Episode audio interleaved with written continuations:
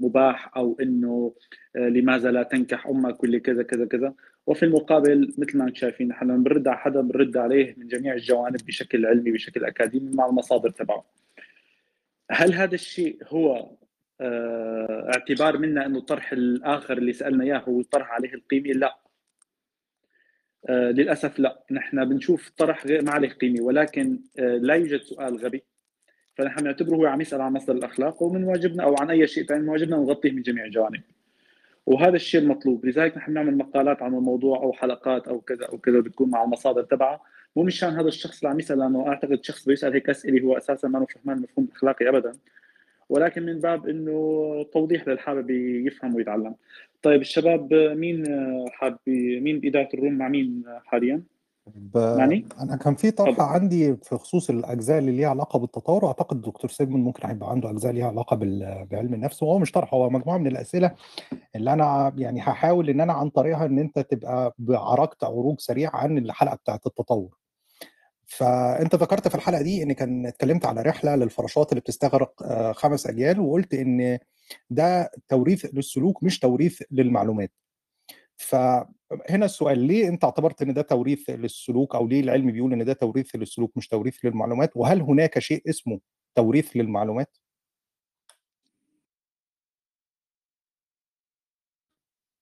أستاذ أحمد؟ معلش عيد السؤال تاني كنت عمال بس برغي مع الناس على يوتيوب. أنا آسف. طيب ماشي. طيب بص يا صديقي انت ذكرت في الحلقة بتاعت التطور آه. إن في رحلة للفراشات بتستغرق خمس اغيار وقلت إن ده توريث للسلوك مش توريث للمعلومات. فهل هناك شيء يطلق عليه اسمه توريث للمعلومات؟ وليه اعتبرت إن ده توريث للسلوك مش للمعلومات؟ آه آه. هو. في في في توريث للمعلومة طبعا. يعني هو القصة بتاعت الفراشات بتثبت إن في توريث للمعلومات. معلومة بتتورث وقيس عليها عليها حاجات كتير. فالمعلومة بتتورث. لكن أنا ما ينفعش إن أنا موسع بقى إن كل المعلومات بتتورث. ما ينفعش إن أنا أقول حاجة زي كده. لأن أنا لو قلت إن كل المعلومات بتتورث ده معناها إن أنت هيبقى عندك كل المعلومات وكل الخبرات وكل حاجة حصلت وعدت على جد جد جد جد جدك. وده مش حاصل. أنت مش فاكر عنه أي حاجة خالص. ففي في آلية هنا يعني في إثبات إن في آلية بتورث المعلومة. الدليل عليها الفراشات وغيرهم من الحيوانات. وفي آليات تانية بتقول لا إن مش كل المعلومات بتتورث إحنا ما إحناش عارفين مين فيهم بيتورث ومين ما بيتورثش بس إحنا متأكدين إن في منها ما هو يورث. زي إيه؟ غير موضوع الفراشات ده الحاجات اللي هي السلوكات السلوكيات المكتسبة اللي أنا اتكلمت عليها في علم النفس إن يبقى سلوك مكتسب سلوك ما كانش موجود قبل كده. السلوك ده تحول إلى سلوك موروث. زي ما اتكلمنا على القصص بتاعت ال infants والناس اللي هم قصة ال oxytocin وال infants اللي بت اللي بيتربوا في في, في ملاجئ أيتام و و و إن يبقى حاجة ما كانتش موجودة قبل كده تم توريثها كجزء من الجينات. أنهي بقى اللي بيروح كده وأنهي اللي بيروح كده؟ في حاجات إحنا عارفينها وفي حاجات ما نعرفهاش. ما نعرفش اشمعنى السلوك ده اللي اتحرق بقى في بقى في الجينات. ما نقدرش ما نقدرش نعرفها نقدر نعرف حاجات تانية زي مثلا إنه في في أثناء النمو الجنين نفسه حصل خلل في هرمون معين بسبب ظروف نفسية مرت على الست أو حاجات بتتعاطاها أو اللي هي الأم يعني أو أو حاجة زي كده تسبب في إنه الشكل اللي اتعملت بيه اللي الجين بيكسبريس بيه مثلا ال frontal cortex بتاع الطفل بتاع الجنين بقى مختلف شوية. فالجنين طلع بسلوك مش هو الطبيعي بسبب إنه أثناء تكون التكون بتاعه اتأثر بحالة الأم. فده يبقى في سلوك أهو سببه كان وراثي. مش وراثي بمعنى إن هو كان عند الأم لا كان بسبب الأم. بسبب الأم أو الأب مثلا أو بسبب البيئة نفسها. إن هو بعد ما اتولد نفسه مثلا فقد أبوه وأمه واضطر إن هو يعيش في ملجأ أيتام. اللي حصل ده تسبب مثلا في خلل في ال oxytocin عنده. والخلل ده في أثناء مرحلة النمو لأنه بيفضل ال prefrontal cortex لغاية بعد 20 سنة. وال interconnections بتاعت الخلايا العصبية بتفضل لغاية بعد 20 سنة بتتكون. بسبب الظروف اللي مر بيها دي الطريقة اللي الدماغ بقى بقى متركب بيها ال circuits بتاعت الدماغ اختلفت عن الطبيعي عن عن من لو كان هو بقى عايش طبيعي خالص وسط أبوه وأمه فبقى سلوكه مختلف. فده أصبح سلوك إيه؟ ما ما بقى مش سلوك مكتسب بمعنى إن هو آه آه اتعلمه من الناس لأ ده حاجة غصب عنه برضه وبسبب الوراثة اللي هو مر بيها. اللي حاصل بقى إن ده بقى نفسه شخصيا هو ممكن يورثه للي بعديه. بسبب إن هو خلاص already بقى عنده الجينات بتاعته بقت بتكسبريس بطريقة معينة. بعدين أنا بتكلم في دوت وسيجموند معانا. بقت اكسبريس بطريقة معينة. ال expression ده بدأ يتورث بقى للأجيال اللي بعديه. برضه لو في أي حاجة يعني صحح لي سيجموند في اللي أنا بقوله يعني. معاك يا باشا معاك يا باشا. على يعني flag على طول قول لي لا انت هنا الحتة دي مش صح بتاع أقول عادي أنا مستحيل أكون فاكر كل حاجة أنا قلتها وكل article يعني أنا قعدت أربع خمس شهور أقرأ فيهم فمستحيل يعني ده فوق ال 200 article يعني. فلو في أي حاجة علمني عليها يعني. معاك يا برنس. ماشي يا باشا. طيب كملوا آه النقطة اللي بعد كده. آه اتكلمت عن آه روبرت ايرز وكتابه انتروبي وفي موضوع إن تجميع المعلومات الثقافية المفيدة الاجتماعية وإن بيتم تخزينها في الكتب وذاكرة الناس وإن المجتمع لما بيفهم ده ده بيساعده على البقاء والنمو.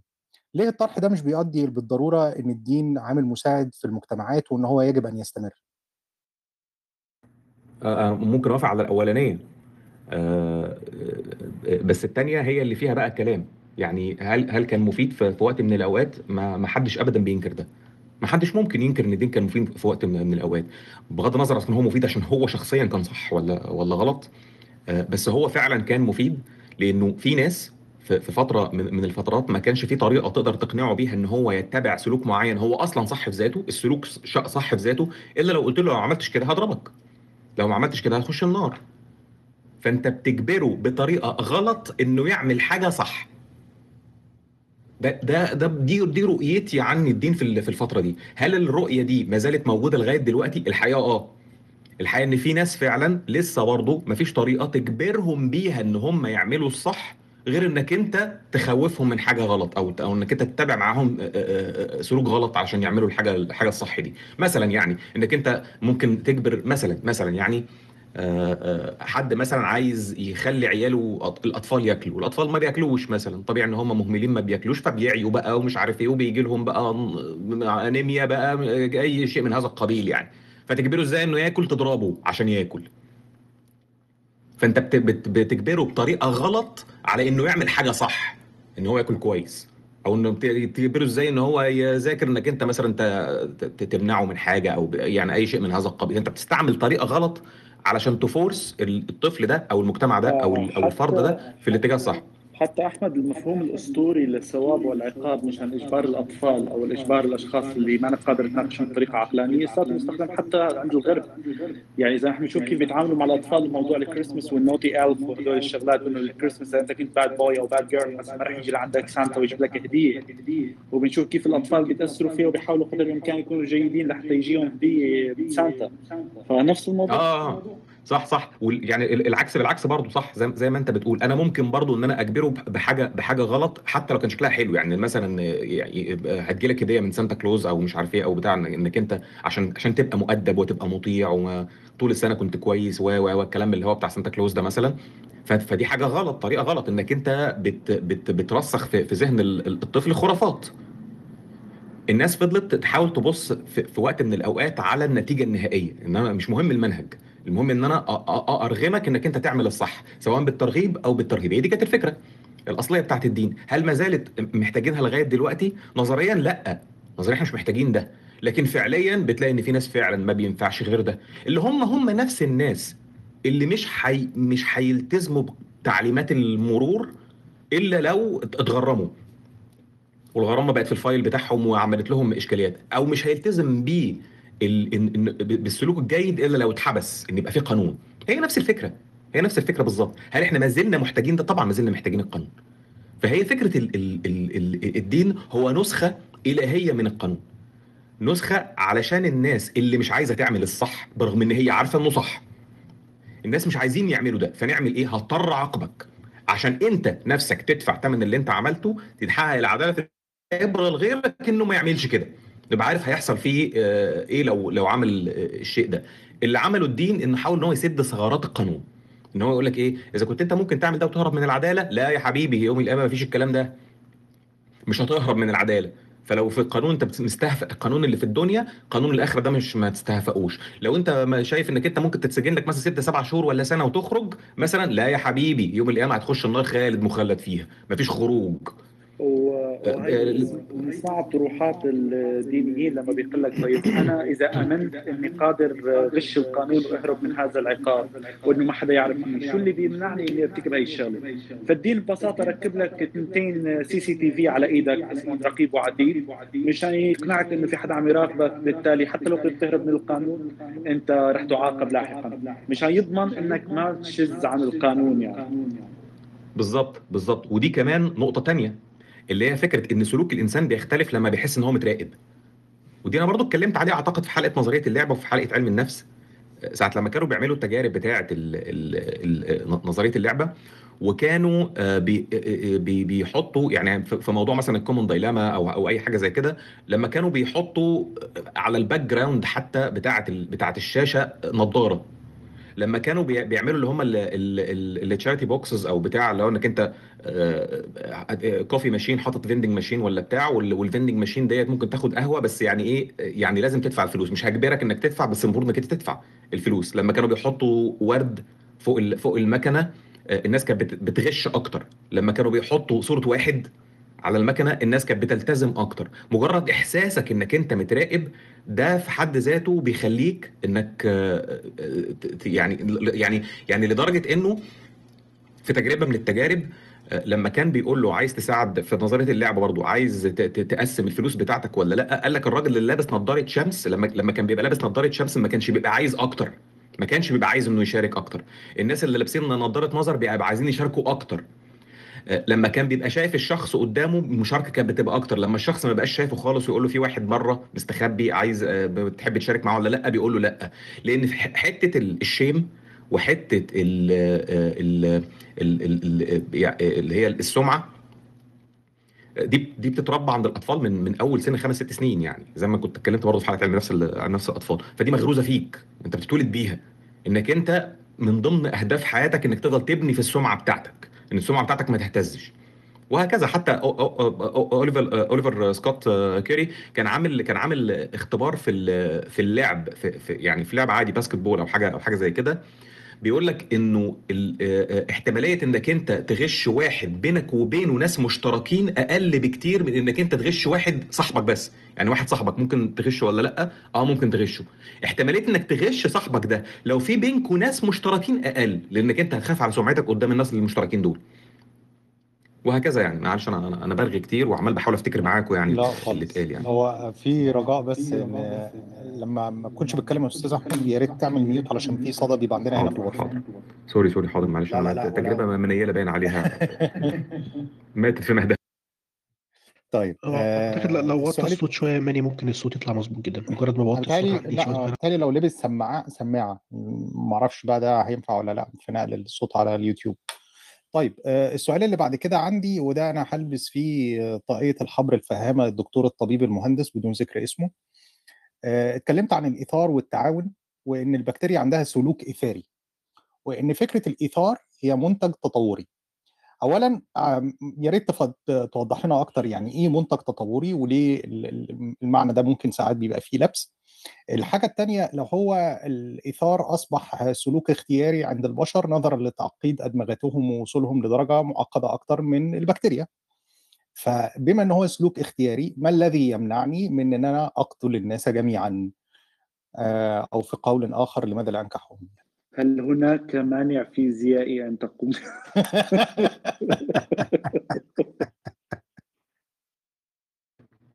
طيب إحنا أنا أنا بعت المايك ممكن يكون هو سبب ال- ال- المشكلة أو أتمنى ذلك يعني. استنى كده نجرب. آه، ال- آه أحسن كتير. كده أحسن. يبقى. المايك نفسه هو اللي كان بيعمل ذبذبات لا مؤاخذه آه، ال- منتج تطوري على عكس ما قد يبدو من من الكلمة في ال- في الأول وهله إن التطور مش بينتج حاجة بس هو ال- التطور أو الانتخاب ال- ال- الطبيعي آه، بيقدر إن هو يبقي على حاجات ويدمر حاجات. ولو حبينا إن إحنا نوضح أكتر من كده ال- السلوكيات المختلفة زي الصفات ال- ال- ال- في منها اللي بيقاوم مكنة الطبيعة مكنة الانتخاب الطبيعي إلى أقصى حد وفي منها اللي ما بيقدرش يقاوم. اللي بيفضل يقاوم ده لغاية الآخر ويستمر في المقاومة ده اللي بنقول عليه إنه منتج تطوري فيبدو إن مفيش ترم أحسن من كده. نقدر إن إحنا نستعمله إن هو نقول مثلا إيه يعني آه، آه، يعني قدر إن هو ينجو من من اختبار الزمن. ففكرة إن أنا أقول مثلا إن التعاون منتج تطوري ده معناها إن كل النماذج الأخرى لم تصمد أمام ال ال ال ال ال الزمن والتغيرات الطبيعية.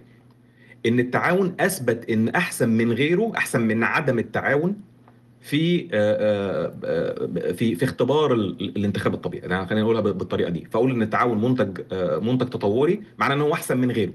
غيره اللي هو إيه؟ اللي هو عدم التعاون. بكافة أنواعه. التعاون ده في حد ذاته على حسب النظرية بتاعت بتاعت آه، أوليفر سكوت في منه سبع أنواع.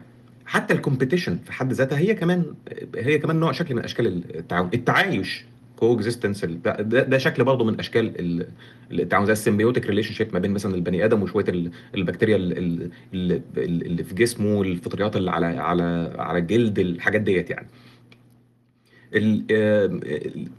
فكرة إن ال- إن إن الإنسان طلعت طلعت له بقى طلع له بقى prefrontal cortex وطلع له بقى بقى قشرة مخية وحاجات زي كده ده اللي بيخلينا إن إحنا نشوف من وقت للتاني إن في آه، اختلافات. اللي إن الإنسان مش ماشي بالظبط زي المكنة مش مش ماشي بالظبط زي البكتيريا مش ماشي بالظبط زي آه، ال- النمل مجتمع النمل ومجتمع النحل بدأ يفكر لا قدر الله طلع له مخ وبدأ يفكر. بالإضافة إلى إنه ال ال ال الإنسان بقى الموضوع معقد جدا عنده في دماغه لدرجة تخلي مؤثرات اللي حواليه تأثر أكتر في سلوكياته عمن لو كان مخه أبسط من كده. لو المخ أبسط من كده زي الم... ال- زي دماغة الحيوانات اللي أقل في الدرجة زي الحشرات وغيره وال- والبكتيريا ما فيش ما الكلام ده مش موجود خالص. فالمؤثرات اللي حواليه يعني مثلا البكتيريا مش هتشوف بكتيريا بتموت فهت- فهتتوجع فحياتها هتتغير.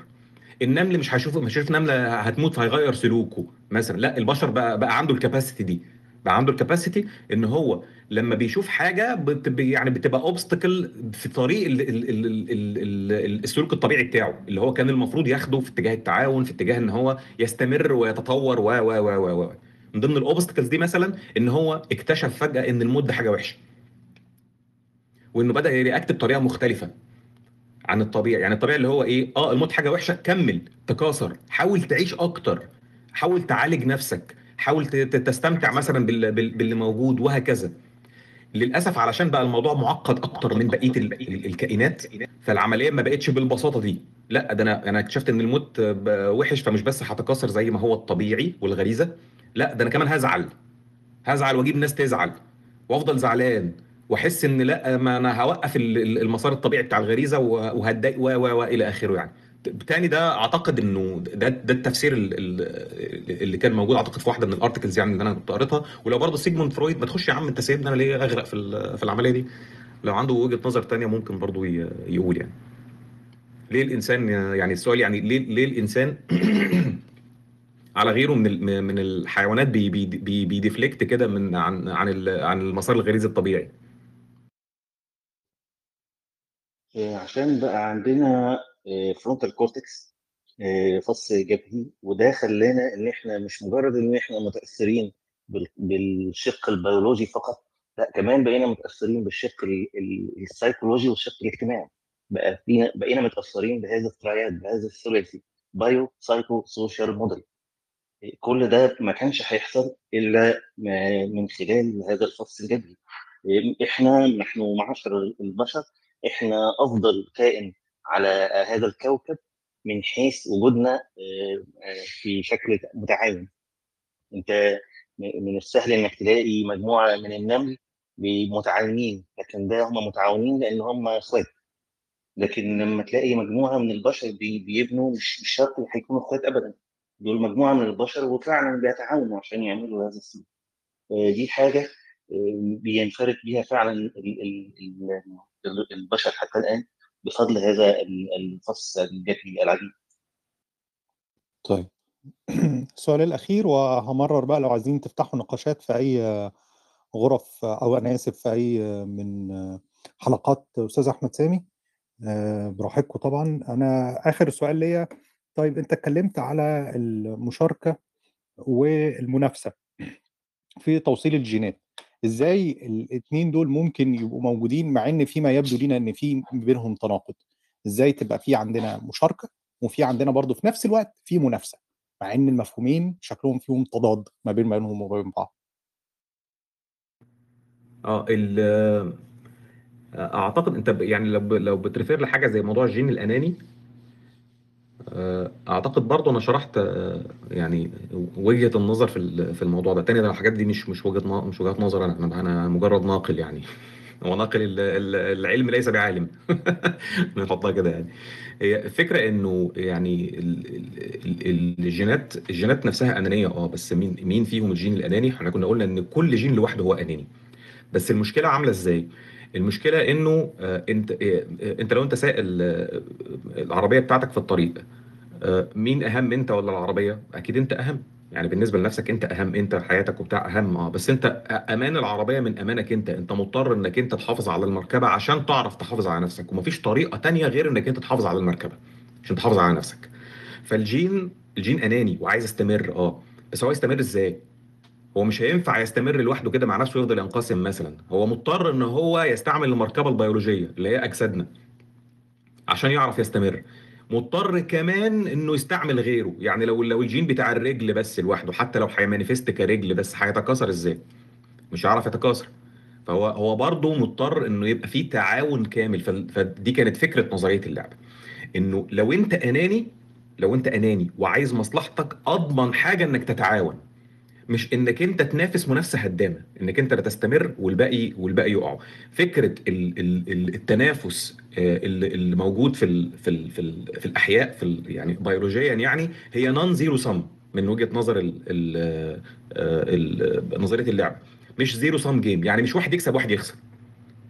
الفكرة إن هم هو فعلا أناني آه بس الطريقة الوحيدة إن هو يحقق بيها أنانيته دي إنه يبقى متعاون. لأن أي طريقة تانية هتيجي على دماغه هو مش. يعني مش مش هيستمر هو. كأنك أنت مضطر إنك أنت تتشارك مع غيرك علشان لما تحصل حاجة الناس دول يساعدوك في الموضوع ده. أو تتشارك مع غيرك عشان في حاجات أنت محتاجها منهم. وم- ومستحيل تاخد منهم حاجة إلا لو قيضت فأنت مضطر إنك أنت تعمل موضوع المشاركة ده عشان أنت أناني. يعني قد قد تبدو غريبة شوية. الحلول التانية كلها انت انت خسارة فيها.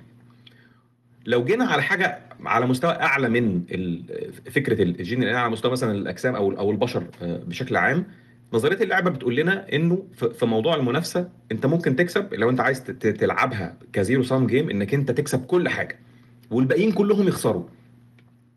الفكرة إن احتمالات ده إيه؟ احتمالات إنك أنت تعمل إن, إن أنت فعلا تكسب والباقي كله يخسر إيه؟ طبعا الاحتمالات هتزيد باحتمالات بعدد المشاركين في المنافسة دي. الاحتمالات قصدي هتقل يعني احتمال إنك أنت اللي تكسب 100% وكله يخسر الاحتمالات بتقل كل ما زاد عدد المنافسين. وإحنا عندنا منافسين كتير جدا جدا.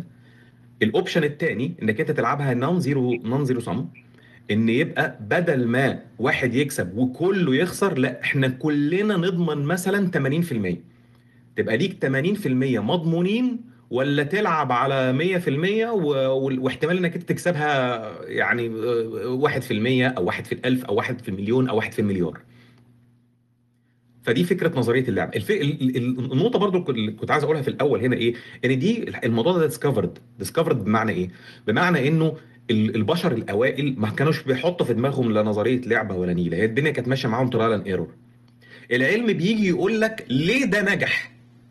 ليه السكة دي هي اللي نجحت؟ والسكة اللي نجحت كانت شكلها عامل إزاي؟ زي لعبة السجين مثلا. ما هو دول ما بيلعبوش بقى بال... بال... بنظرية اللعب.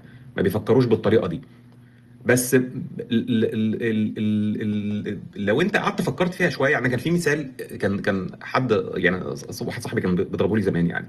الشحات مبروك. أنا عارف المثال قد يكون غريب شوية بس يعني إيه. يعني أعتقد إن هو ممكن يقرب الفكرة يعني. في السبعينات والثمانينات ما كانتش فيه العلم الجامد بتاع معلش أنا أنا هتغول على على تخصصك يا عم حسن معلش. ما كانش فيه العلم الجامد بتاع اللي هو ال ال إيه إيه الأكل بتاع الناس بتوع الحديد وبتاع والبادي بيلدرز وال- والحاجات اللي اللي هي زي كده. فكان كان عندنا مثلا مثال في مصر طبعا معروف اللي هو الشحات مبروك ده كان واخد بقى يعني بطولة العالم كذا مرة ومش عارف إيه وبتاع. وكان يقعد يقول للناس آه، كل كذا ما تاكلش كذا ليه؟ يا عم أي حاجة مش فارق يعني. فكان بيقعد يقول للناس كل كذا كل كذا كل كذا كل كذا مثلا يعني. دلوقتي آه، أو يعني من فترة من فترة قريبة ليا واحد صاحبي برضه في body builder يعني في مصر ومش عارف إيه وبتاع يقول لي أنا لغاية دلوقتي ماشي على الكلام بتاع الشحات مبروك. وساعتها ما كانش فيه لا علم ولا نيلة ولا ولا اكتشفوا حاجة في الأكلة الفلانية ولا اكتشفوا حاجة في الأكلة العلانية ولا أي حاجة خالص. هو الراجل عملها بال trial and error جربها جرب دي وجرب ده وجرب ده ودي جابت نتيجة معاه. دلوقتي إحنا بنقول لك ليه الأكلة ديت هي مفيدة علشان 1 2 3 4 5 هو ما كانش نبي. هو كل اللي عمله إن هو كان جرب وده يعني كان dedicated جدا للموضوع جرب حاجات كتيرة والحاجات اللي مشيت معاه صح وجابت نتيجة استمر عليها. وبينصح الناس بيها وهو مش عارف هو بينصحهم ليه. لو جيت أنت زمان مثلا من من من 5000 6000 سنة 7000 سنة حاجة زي كده وجيت سألت واحد ليه ال golden rule ليه أعمل؟ اعمل الناس زي ما احب إن هم يعاملوني مثلا يعني. مش هيقعد يجيب لك بقى علم الأعصاب ويجيب لك بقى ال mirror neurons ويقعد يجيب لك بقى ال oxytocin بيتفرز في نفس الوقت عندك وعنده مش مش هيعرف الكلام ده بس هو عارف إنه جربها ونفعت. العلم دلوقتي جاي يقول لك ليه ده نفع؟ وده كان ال mindset اللي أنا كنت بتكلم فيها في الأول خالص. اللي هو يبقى في فرق كبير في ال mindset ما بين إحنا بنفكر العلم بيحسب إزاي فكرة ال ال ال ال الأخلاق بيفكر في الأخلاق إزاي وما بين الدين بيفكر إزاي. لذلك بيجي دايما السؤال اللي هو غلط. آه، آه، زي ما انت قلت كده إيه التفسير العلمي إيه المانع العلمي إيه المانع الفيزيائي من كذا؟ مفيش حاجة اسمها مانع فيزيائي. ما بنحسبهاش بالطريقة دي العلم ما بيفكرش بالطريقة دي. العلم ما هواش دين تاني بيقول لك افعل ولا تفعل. العلم جاي يقول لك ليه ال golden rule هي الصح؟ ليه ال utilitarianism هي الصح؟ ليه آه، ليه فعلا ال ال ال الأسرة بتبقى التعامل ما بينهم اللي هي حتة الكير ومش عارف إيه وبتاع هي اللي بيحصل ما بين الأسرة وبعضها أكتر من غيرهم. قبل كده أنت كنت بتشوفه ما ده كان وارد ما يعني قدام الناس كلها ما طبعا طبيعي إن كل واحد بيحب مثلا إخواته أو أسرته أو أبوه وأمه أو الأب واللي بيحب ابنه وبيحب بنته ومش عارف إيه أكيد أكتر من من من الباقيين. العلم جاي يقول لك ليه بقى؟ ليه ده حاصل؟ الدين جاي بيقول لك الصح إنك أنت تحب أبوك وأمك. الصح إنك أنت يبقى في reciprocity بينك وبين وبين غيرك. الصح إن يبقى في altruistic اعمل الحاجة الفلانية. العلم جاي بيقول لك لأ الدين مش محتاج يعني انت مش محتاج إن حد يقول لك اعمل الكلام ده. الكلام ده هو اللي وصلنا اللي إحنا فيه دلوقتي وليه تفسيره. فاتمنى إن دي تكون واضحة اللي هو فرق طريقتين التفكير ما بين ما بين العلم والدين في تحليل موضوع الأخلاق ده يعني. طيب أعتقد دكتور سيجموند كان ليك إضافة في الجزئية طيب هو أنا ليا تعليق في العموم يعني مش بس اتفضل آه لا اتفضل اتفضل يا دكتور. طيب اولا تحياتي للجميع وتحياتي لصديقي العزيز أحمد المجموعة مجموعة الحلقات رائعة. وأنا عندي بعض آه، التعليقات. آه، في حاجة مهمة قوي أحمد قال لنا عليها في الحلقات مش فاكر في أنهي حلقة فين بالظبط بصراحة. إنه كان زمان قوي من أيام أفلاطون منه لله كان الناس شايفين إنه الحكم الأخلاقي على الأمور محتاج إن إحنا نفكر. يعني إيه؟ يعني في جزء rational في جزء reasoning في الموضوع في جزء تفكيري في الموضوع. لما أنت تشوف حد بيسرق إنسان بيسرق إنسان آخر فأنت وفقا لأفلاطون وكانت على فكرة وبعدين جا كولبرج نفس الشيء. بيقولوا إيه؟ بيقولوا إن أنت بتبص على الحدث ده وبعدين بقى تقعد كده مع نفسك وتقرر مع نفسك ان هذا الفعل غير أخلاقي، اذا أنا سأرفضه وإذا أنا آه،. أنا حكره هذا الفعل. ده وجهة نظر آه، هذه المدرسة. أوكي؟ طيب ال... ال... إيه, إيه الأساس في هذه المدرسة؟ إن أنا لازم أفكر الأول وبعدين أرفض. أوكي؟ لكن جاء عمنا هيوم ومن بعديه ناس كتير من اهمهم حاليا جوناثان هايت نفسه قال لنا لأ مفيش تفكير انت بتمتعض وبتقرف من الفعل الأخلاقي بتقرف كده بيجي لك moral disgust القرف الأخلاقي okay؟ بتقرف من الفعل اللا اخلاقي اولا وبعدين بتدور على justification تبرير انت ليه قرفت من هذا الفعل الأخلاقي وليه رفضت okay؟ جوناثان هايت من ضمن الناس اللي بينوا لنا أدلة معمليه هو بالمشاهدة على إزاي الموضوع ده حصل. وإزاي إن المناطق في المخ المسؤولة عن الامتعاض نفس المناطق اللي كانت في الحيوانات بتخلي الحيوان يقرف من الأكل البايظ okay؟ المناطق دي مع تطور البشر آه اتغيرت مكانها في المخ وأضيف عليها أماكن جديدة في الفص الجبهي okay؟ اللي يحب يقرأ موجود في المراجع على فكرة على كل ما بقوله ده موجود على تويتر في في, في كذا تغريدة ورا بعض. المكان اسمه ventromedial prefrontal cortex دي هتخليك تمتعض اولا ثم تفكر في تبرير لماذا أنت امتعضت okay؟ كل اللي أنا قلته ده اسمه ال moral intuition الحدس بالسين الأخلاقي. يعني إيه الكلام ده؟ يعني رفضك حكمك على هذا الفعل مرجعيتك اللي هم بيقولوا عليها مرجعية. ننسى كلمه مرجعيه دلوقتي. حكمك على إن هذا الفعل غير أخلاقي بيحصل بشكل لا شعوري في دماغك وهذا الحكم بيقفز إلى الوعي عندك فيما يطلق عليه الحدس intuition حدس بالسين أوكي؟ وبعدين أنت آخر من يعلم أنت بتقرر بعد كده بتلصق عليه زي ما بنقول بالمصري بتقرر إيه هو التبرير هو أنا ليه رفضت هذا الفعل؟ فأنت لما لما تقول إنه هذا فعل خاطئ أنت مش بتقر حقيقة. تمام؟ أنت بتعبر عن شعور داخلي بالرفض أنت حسيت. وأنت أنت في الأول ما كنتش عارف ليه أصلا. أنت رفضته بعد كده قررت إن أنت تدور على حاجة تبرر بيها إيه هذا الرفض.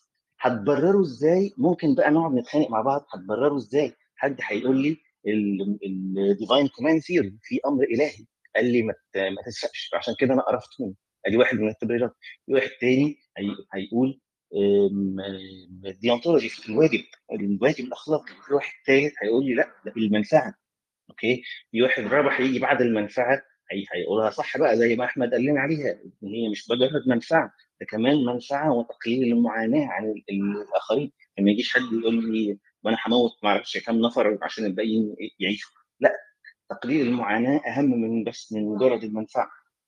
تمام؟ دي دي أول نقطة. تاني نقطة المرجعية. أنا وأنت والأستاذ اللي قاعد هناك والمدام اللي قاعدة ورا متفقين على إن الأخلاق دي كانت حيلة تطورية. okay؟ إحنا بس في, في ناس مش متفقة على كده مش موضوعنا دلوقتي. لكن اللي متفقين على إن الأخلاق دي كانت حيلة تطورية للحفاظ على النوع والحفاظ على عملية التعاون ما بين الأفراد تمام؟ دي أنا مش مختلف معاها. okay؟ إيه هو السبب وراء ظاهرة هذه الظاهرة اللي اسمها الأخلاق؟ آه طبعا هو البقاء.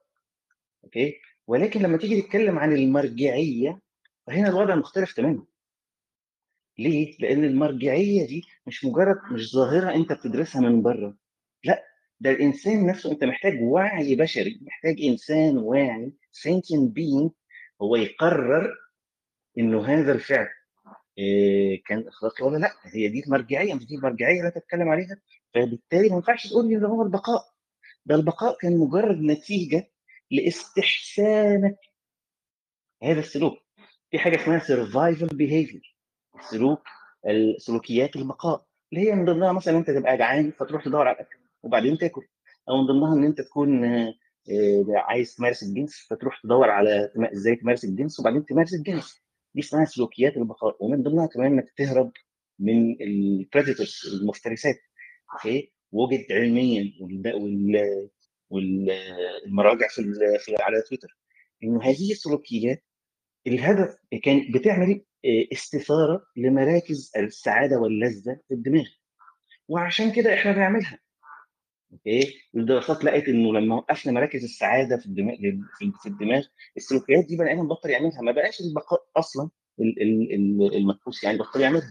البقاء أصلا ما بقاش هو أهم حاجة في الدنيا زي ما إحنا كنا بنعتقد okay؟ فالبقاء هو مجرد نتيجة لهذا الأمر نتيجة لإننا بنبحث على ال well-being تمام؟ لو أنت بتدعي ادعيت إنه البقاء هو المعيار عشان تمرر بقى الحاجات إياها ال social Darwinism والسبي والغزو والكلام من ده لو هو ده الادعاء okay؟ فالسلوكيات اللي زي كده اللي هي فيها social Darwinism دي ممكن فعلا تدعم البقاء. لكن أنا وأنت بنستقبحها اخلاقيا. أنا وأنت مش شايفين إن ده فعل أخلاقي. ليه؟ لأن أنا وأنت شايفين إن ده هيؤثر على سلبا على ال well-being أنا ما أحبش إنه يتعمل فيا. فأنا أستقبح هذا الأمر. تمام؟ لكن فبالتالي هنا الاستحسان والاستقباح transcend آه، البقاء آخر حاجة عايز أقولها بالنسبة للعقاب هو آه، كان في فرضية إن الايثار ده ما كانش كافي لبقاء القطيع وبالتالي كان لازم الدين يبقى موجود. ودي حاجة يعني التشكك في إن هو هل الايثار كان كافي ولا مش كافي دي مفهومة ومقبولة و okay إنك تتشكك و okay إنك تدور على مبررات. ويمكن فعلا يكون الدين عن أحد الحاجات اللي ساعدت okay؟ لكن الادعاء بأنه الدين كان هو الحاجة الوحيدة اللي, اللي كان يعني ما كانش حلها حل غير كده عشان إيه عشان يعني تعاقب ال free riders okay؟ الادعاء ده ما ينفعش ليه؟ لأنه بعد كده طلعت أبحاث لقينا فيها إن ال social animals من أول الخفاش الخفاش يا مؤمن لحد القرده العليا. ال social animals لما بتلاقي سلوك فيها أناني بتعاقب هذا السلوك. ودي حيوانات ما حدش جاب سيرة الدين في الموضوع هنا. okay؟ من قبل زمان ما يجي ما يجي الإنسان أو أو أشباه البشر. العقاب كان موجود في ال social animals. okay؟ يعني ما تقوليش إنه كان هنا ضرورة قصوى. okay؟ في حاجة عشان دي لسه واصلة لي دلوقتي فيها كم حاجة كده مهمه عايز لازم نصلحها. تقبل المثلية لا يؤدي إلى انتشارها لأن دي ظاهرة معروفه ومحطوط معروف حدودها فين. والظاهرة دي self-limited يعني مش بتزيد أو تقل. الناس اللي عندهم هذه القابلية هيعملوا هذا الأمر والناس التانيين مش هيعملوه مهما حصل مهما تقبلنا أو, أو, أو ما تقبلناش. كذلك تقبل المثلية لا يهدد البقاء. هات لي ادعاء هات لي دليل على هذا الادعاء الفارغ تمام؟ سواء سواء دليل على إن تقبل المثليه هيؤدي لانتشارها مفيش دليل على كده أوكي؟ ومجرد إن الأرقام مختلفة ما تحتكمش للأرقام هنا لأن أنت ما عندكش إحصائيات. okay؟ الإحصائيات اللي في الغرب ما ينفعش تاخدها لوحدها لازم تقارنها بباقي الإحصائيات. okay؟ الحاجة الثانية إن هو ما ينفعش تقول لي إن هو إن المثلية هتهدد البقاء. لما تلاقي دليل على كده يبقى تعالى اتكلم. دي حاجة. الحاجة الثانية الانفجار السكاني مش معناه إن ده دعم للبقاء. مش معنى إن أنت لقيت دولة فيها فيها الخصوبة عالية إن ده شيء داعم للبقاء. actually هو العكس. تمام؟ دي حاجة الحاجة الثالثة. ما ينفعش تقرر بإن الدين بيحسن جودة الحياة عن طريق إنك تعملي دراسة في تكساس. هي أغنى الولايات الأمريكية والناس فيها متدينين. okay؟ يعني لا لا لا مش صح مش صح. sorry معلش مش مش أغنى الولايات ولا حاجة. آه، آه، آه، مش فيها بطاطا مش فيها بطاطا فيها بطاطا كتير. من ناحية البطاطا في بطاطا. طيب غنى دوله مش هنا. أنا متعلم بتاع المدارس. طيب آخر حاجة لو سلمنا جدل إن الدين فعلا اسهم في تطور البشر وأنا موافق على كده أوكي؟ بغض النظر بقى درجة الإسلام قد إيه. فإن أنت تدعي إن الدين لسه ما زال بيدعم البقاء حاليا في الوقت الحالي محتاج دليل محتاج أدلة أكتر بكتير من المتاحة حاليا. آسف على الإطالة. طيب نقطتين. أول شيء في سارة آه، ممكن بس تحط لنا ال link آه، فوق أي حدا يحط لنا ال link مشان اللي عامل له بلوك لو سمحتوا بس يرفع لنا ال block أنا بدي بدي استغرب أنا كيف ممكن حدا يعمل block لسارة يعني. طيب إيه فلو سمحتوا أي حدا على ال panel أي حدا عامل block لسارة يرفع عنا ال block طيب آه، أنا حضرت المقاطع كلياتهم الحلقات تبعت الأخلاق. هلا أكثر ثلاث حلقات عجبوني هن موضوع يمكن هدي أنا أكثر شيء بهتم فيهم. آه، حلقة التطور وعلم النفس وال game theory هلا أنا من أشد المعجبين بجون فوربس ناش يعني وموضوع ال Nash equilibrium وهدول الأمور وال game theory وال prisoner's dilemma وهدول الشغلات. انعطت آه، عدة أمثلة ضمن هي الحلقة كثير لطيفة. آه، ممكن تفسر لك كثير أمور. من بيناتهم مثال كثير لطيف عن موضوع كيف ممكن يكون الإيثار هو أساسا أنانية. ايثار هو نوع من أنواع الأنانية. يعني عمليا أنت بتكون شخص تضحي من أجل المجموعة لأنك أنت تعرف إنه فرصك بالنجاة ضمن هذه المجموعه راح تكون أكبر. بس كان في مثال كثير حلو عن إنه لما بيكون الأب أو الأم مثلا عندهم طفلين هدول الطفلين دائما بيشتكوا من موضوع إنه عم آخذ أنا القطعة الأصغر من الكيكة اللي عم تنقسم فهون بيلجأ الوالدين لشو؟ إنه الكيكة اللي بدها تنقسم بالنصف آه، إذا قسموها ففي واحد بده ياخذ بده يقول أنا أخذت النصف الصغير منها. فبيلعبوا لعبة لطيفة إنه بيخلوا واحد يقسم الكيكة والثاني يختار القطعة. هون شو بيصير؟ بيصير عمليا هذا الشخص اللي بده يقسم الكيكة عارف إنه أخوه هو اللي رح يختار القطعة. فعارف إنه آه الاختيار صار بإيد شخص ثاني عم يعيش معه هاي التجربة. هون رح يحاول هذا الطفل قدر الإمكان إنه يكون عادل ومنصف بالقسمة. هل هو منصف بالقسمة لأنه بحب أخوه أو لأنه كذا؟ لا ليس بالضرورة. هو منصف بالقسمة لأنه بيعرف حاله إذا أخل بالقسمة وقسم قطعة أكبر من قطعة بشكل واضح فراح يكون عند أخوه فرصة إنه يأخذ القطعة الكبيرة. بالتالي هو راح يتضرر إنه أخذ القطعة الصغيرة. فهون عملية الإنصاف في التقسيم منبعها ليس التضحية من أجل الآخر بل خوفا إنه أنت تنضر. تظهر ظاهريا بأنه هي ميل إلى العدالة والإنصاف والإيثار وحب الآخر ولكن عمليا هي ميل لإنك أنت تأخذ حقك وما تنظلم. وهذا نفس الشيء بيصير بالمجتمع.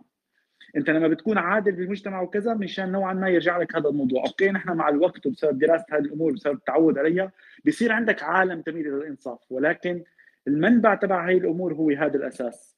مبدأ إنك أنت بتعمل للناس اللي بيحبوا يعملوا لك إياه وبتجتنب تعمل للناس الشغلات اللي هن آه أنت بدك اياهم يعمل لك إياها. وفي كثير آه تجارب اجتماعية على موضوع إنك مثلا واحد يكون قاعد مثل هوملس هيك مشرد ويكون ماسك مراية بايده بحيث لما تطلع فيه تحس حالك مكانه فبتساعده أو شيء. موضوع الدين آه الفكرة وين؟ الفكرة مو مثل ما حكوا الشباب.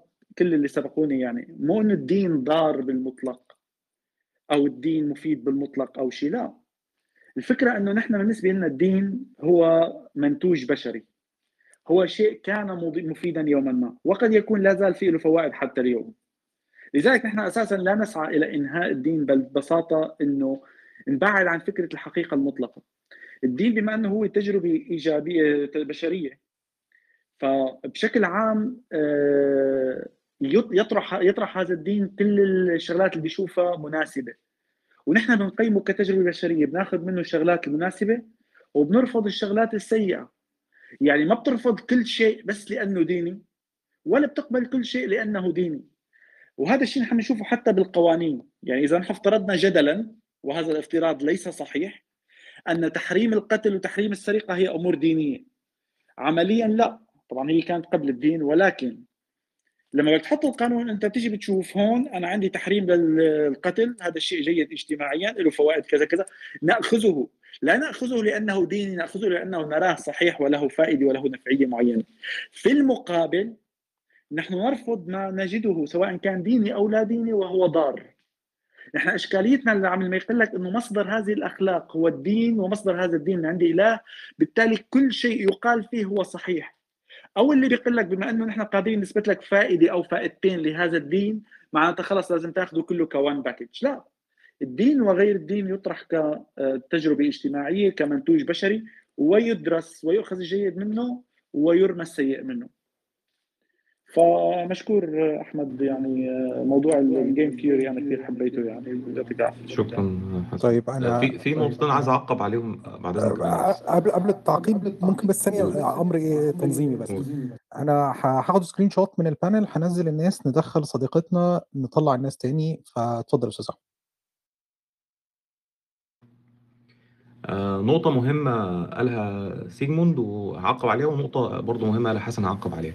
النقطة بتاعت آم، لما كان هيوم كان بيقول إنه إن الإنسان الطبيعي الأخلاق بتاعته بالعاطفة وكانت بيقول بالمنطق. وده اللي إحنا كنا بنقوله في الأول موضوع موضوع رأي الفلاسفة هم كلهم partially right حتى نيتشه اللي قال لك إن الأخلاق دي بقى واللي مش عارف إن التعاون ده بقايا أخلاق العبيد ومش عارف ده برضه partially right فكل حاجة هي partially right بس كل حاجة في cases معينة. ما حدش منهم عمل إحصائيات. ما حدش منهم آه، سواء زي هايت ولا ولا كيري ولا ولا كل الناس اللي أنا اتكلمت عليهم دول راح جاب samples بعشرات الآلاف. عمل درس مثلا آلاف التوائم عشان يشوف إذا كان الكلام ده جيني ولا لأ. ما عملوش الكلام ده هم شافوه من من من المحيط اللي حواليهم. فلما تقول إن هو الكلام ده منطقي آه يبقى أنت بتتكلم كده على الجزء اللي بيكون ال frontal ال- ال- ال- الفص الفص الجبهي مسيطر فيه. لما تيجي تتكلم إن لأ مصدرها عاطفي زي مثلا ما كان آه، هيوم بيقول آه يبقى أنت بتتكلم يعني الجزء لما بيكون مثلا ال- الفص الصدغي هو اللي مسيطر أو ال limbic system هو اللي هو اللي مسيطر. اكتشفنا إن ده صح partially وده صح partially وبال CBT بال cognitive based مش مش مش عارف إيه اللي هو الت- الت- التقويم السلوكي ده يعني. Cognitive behavior cognitive behavioral therapy بتقدر إنك أنت تعيد الأمور إلى نصابها تاني وتخلي ال prefrontal cortex يرجع يتحكم تاني في في ال- في الفص الصدغي فده صح وده صح. هايت جاء جاء اتكلم آه، برضو عن القصة دي آه، في في كتابه بتاع Righteous Mind وقال لك إن في آه، اللي هي زي ما قال سيجموند في في أمور آه، آه، آه، غريزية مش محتاج تبررها. ليه بتقرف من الحاجة الفلانية؟ مش محتاج تبرر. الكلام ده كلها موروثات تطورية كانت نافعة جدا ساعتها وما زالت نافعة لغاية دلوقتي. دي كانت واحدة من القواعد اللي كان قالها في ال moral foundation بتاعت ال sanctity بتاعت ال purity بتاعت ال sanctity بتاعت إنك أنت بتميل إنك تنظف نفسك إنك أنت بتميل إنك ما تروحش للحاجات اللي ريحتها وحشة. بتميل ما تاكلش حاجة شكلها غريب. ده جه منين؟ ده جه بسبب إنه اللي عملوا كده قبل كده اتضروا وماتوا. وما قدروش إن هم يكملوا. اللي كانوا خايفين من الحاجات المقرفة الحاجات اللي لونها غلط الحاجات اللي ريحتها وحشة اللي ما كانوش بيهتموا بنظافتهم اللي مش عارف إيه اللي اللي اللي هم اللي استمروا. بيجي العلم يفسر بعد كده الكلام ده. يجي يقول لك آه ديت مضرة فيها مثلا بكتيريا مش عارف إيه بتاع فمطلعه ريحة مثلا إلى إلى آخر ذلك مثلا يعني. ساعتها هم ما كانوش عارفين إن البكتيريا مضرة. ما كانوش عارفين في حاجة اسمها بكتيريا أصلا. إيه اللي حصل؟ إن جربوا ووقعوا في الفخ. واتفشخوا. بس. ده ده اللي حصل ساعتها. فالعلم جاي بيكشف الموضوع دلوقتي. في حاجات آه، عواطف معينة انت مش محتاج تبررها. آه زي الديسكاست. ده هو كمان قال لك إن في سلوكيات مدفوعة بعواطف معينة قوة ال ال ال ال ال العاطفة دي شخصيا هو مرتبهم. هم عامل لهم scale في الكتاب بتاعه بتاع Righteous Mind أعلاهم كانت disgust الحاجة المقرفة بالنسبة له لأي سبب بقى غريزي ولا ولا مش غريزي ولا أي تجربة مر بيها الحاجة الحاجة دي هو هيمتنع عن أي سلوك مرتبط بيها. وده أقوى حاجة. يجي بعدها بقى الخوف يجي بعدها بقى الحب تيجي بعدها الكراهية تيجي مش بعدها مش عارف إيه بتاع الكلام ده كان هو قايله برضه في Righteous Mind فأنت مش كل حاجة مش محتاج تبررها ليه ما تاكلش لحم الكلب بتاعك؟ مثلا وهو وهو نايم مش محتاج تبرر لأ. أنت لو كلته مش هيحصل لك حاجة. عادي جدا جدا ممكن يطلع طعمه حلو حتى يعني. مفيش أي مشكلة خالص. بس أنت قرفان من ده. محتاج تبرر ده علميا؟ لا مش محتاج تبرره علميا. ما تضايقش نفسك. عادي خلاص. طالما انت يعني انت قرفان من من حاجة زي كده ده معناها إن في موروث ليك في في ال- في الموضوع ده. في في الخط ال- ال- الوراثي بتاعك كان في موروث يعني تجربة أليمة مكتسبة تم توارثها. فخلاص ما انتش مش مضطر إنك أنت تقعد تبرر. ليه أنا بقرف من ده؟ وليه بحب ده؟ مش محتاج. يعني لو لقيتها هي عاطفة كده محاولة منطقة العاطفة دي ده غلط. ده هيدخلك في حتة سد. ده اللي كان عايز يقوله آه، جوناثان هايت ال ال ال النقطة الثانية بتاعت آه، بتاعت حسن انت كنت اتكلمت في الأول على موضوع إن ال reciprocal altruism وال altruistic punishment ده موجود في كله. ده موجود في كله بنسب مختلفة. يعني ده مش بس في ال- في الخفاش. ده موجود حتى في في الكائنات اللي اللي أقل منه. بس يعني ال- النتيجة بتاعته كان دايما إن هو بيبقى منبوذ ويموت لوحده ما بي ما, بي ما بيكملش. ونقطة تانية مهمة أنتوا الاثنين ذكرتوها في موضوع الدين لما تيجي تدخل الدين في في المقارنة. أنا مش هدخلك في معضله يوثيفرو وأقعد أقول لك اجعلصها لك الموضوع فلسفيا. أنت كمؤمن لما تيجي تقول لي طب ليه مثلا ما ما تعملش الحاجة ال- ال- الفلانية؟ تعال نتكلم مثلا إن هم بيحبوا جوناثان هايت قوي تعال نتكلم جوناثان هايت في كتابه ال Righteous Mind قال إيه عن عن زنا المحارم؟ قال إيه عن إن أختين يعملوا كده أو أخ وأخت يعملوا كده في بلد القانون ما يمنعش فيها وعندهم كل وسائل الأمان. قال ما فيش أي مانع. أنا مش بكلمك على آه، اسمه مين ده؟ لورنس كراوس. ولا جوناثان هايت. قال لك ما فيش مانع. ما فيش أي يعني هو ملوش مبرر أصلا لحاجة زي كده إن هي تحصل بس لو حصل ما فيش فيها مشكلة. ما فيش offspring ما فيش عقوبة اجتماعية وما فيش عقوبة قانونية. خلاص ما فيش ما فيش أي مشكلة خالص. لو أخ وأخت عادي جدا جدا وعلى سنه الله ورسوله مفيش مشاكل خالص يعني. ف فمش كل حاجة هي محرمة عندك في دينك هتيجي تسأل طب التفسير العلمي ليها إيه؟ لا الأول تعالى نشوف هي صح ولا غلط. تعالى قول لي دي دي أصلا صح ولا غلط؟ لو أنت قلت لي دي غلط يعني مضرة خلاص شكرا. أديك أنت عرفت خلاص المبرر العلمي إيه. شكرا ليك. لو انت ما قدرتش تثبت على الأرض لا على المدى القريب ولا على المدى البعيد إن هي مضرة يبقى لا العلم ما بيقولش إن هي حرام ولا حاجة عادي خالص. وكنت جبت مثال عليها الحاجات بقى اللي موجودة في سفر التثنية مثلا عند ال... عند اليهود. ما تلبسش ما تاكلش لحم الأرنب. ماله لحم الأرنب يا عم؟ ماله بيكتر؟ طب ما يكتر يا عم ولا يولع بجاز؟ طب ما بقية البهايم بتكتر في بهايم تانية بتكتر وبناكلها برضه. إيه المشكلة؟ ما تجيش تقول لي مثلا إيه المانع العلمي من أكل لحم الأرنب؟ لا مفيش مانع علمي هي مش عشان حرام عندك فهي يبقى ليها مانع علمي قصادها. انما تيجي تقول لي طب إيه المانع العلمي إنك أنت تغتصب واحدة؟ المانع لا في طبعا موانع. الموانع طبعا إنك أنت هتسبب أذى ليها تسبب ضرر ليها وضرر اللي حواليها وتدمرها نفسيا وأنت الكلام ده مش هتقبله على نفسك أنت شخصيا دي ال golden rule أنت مش هتقبل ده على نفسك أنت ولا بنت هتقبلها على نفسها. فدي اسمها كده ال golden rule في ضرر ولا ما فيش ضرر؟ انت شايف ان الاغتصاب ده بيعمل ضرر ولا ما بيعملش ضرر؟ مش للشخص طبعا المغتصب لبقية الناس. بيعمل ضرر صح. شكرا. خلاص انت جاوبت على نفسك. طب لو فرضنا إن الاغتصاب ده أو أي تصرف ايا كان مالوش أي ضرر ايا كان. بأي شكل من الأشكال لا قريب ولا بعيد ولا على الفرد ولا المجتمع ولا أي حاجة يبقى مش ممنوع أصلا. فقول لي الارجيومنت بتاعك إيه كمؤمن؟ إن أنت مثلا في في خلق معين سلوك معين إلهك أمر بيه. والسلوك ده حاجة من اتنين. يا إما يا إما هو فعلا ضار على الأرض يا إما مش ضار على الأرض. لو هو ضار على الأرض يبقى أنا مش محتاج إلهك إنه يقوله أصلا. ما خلاص ما أنا عارف إن هو ضار مش محتاج انك تقوله لي. ده أنت لو قلت لي ما اعملوش تبقى مشكلة. أما لو هو مش ضار أصلا خالص ومفيش منه أي إشكالية من أي نوع يبقى أنا أصلا مش محتاجه. يبقى لا أنا ممكن أعمله عادي ما عنديش مشكلة فيه. دي فكرة اللي هو اليوثيفرو. هو أصلا صح ولا غلط؟ الحاجة اللي ربنا أمر بيها دي. لو أنت قلت لي آه هي مضرة يبقى أنا قدرت أثبت بمصدر مستقل إن الحاجة دي مضرة. فمش محتاج إلهك إنه يقول لي عليها. أما لو هي مش مضرة أصلا نهائي فأنت جاي تعمل لي argument على إيه؟ إلا لو كان ال argument بتاعك بص هو ربنا قال لنا ما نعملش الحاجة الفلانية. يمكن العلم في المستقبل يكتشف إن هي غلط. أنت كده دخلت في حتة سكة النبوءة بقى. ده ده مش argument بتاع الأخلاق. ده سكه ده سكه بقى نبوءات. إن تنبأ بحاجة اكتشف العلم بعدها ب 200000 سنة إن هي فعلا كانت مضرة وهو من زمان قال لك ما تعملهاش. مثلا يعني ده مش دي ال case عندي دلوقتي. فدايما بلاقي ال conflict ده في ال في ال في ال في, ال في الكلام على الأخلاق ما بين ما بين المؤمن وغير المؤمن. إن هو قصه مرجعية مرجعية الأخلاق. مرجعية في العلم بسيطة جدا جدا. ضارة ولا مش ضارة؟ طب على المدى البعيد ضارة ولا مش ضارة؟ لو ضارة خلاص أنا مش هعملها على الأرض. أنت بتعمل السلوك ده مش عشان هي ضارة ولا مش ضارة. أنت بتعمل السلوك ده عشان إلهك قال لك اعمله. ده حتى لو كان اللي أنت بتعمله ده مثلا يعني لو كان الصيام ده مثلا بالفعل مضر. بالفعل مثلا بيضر الناس.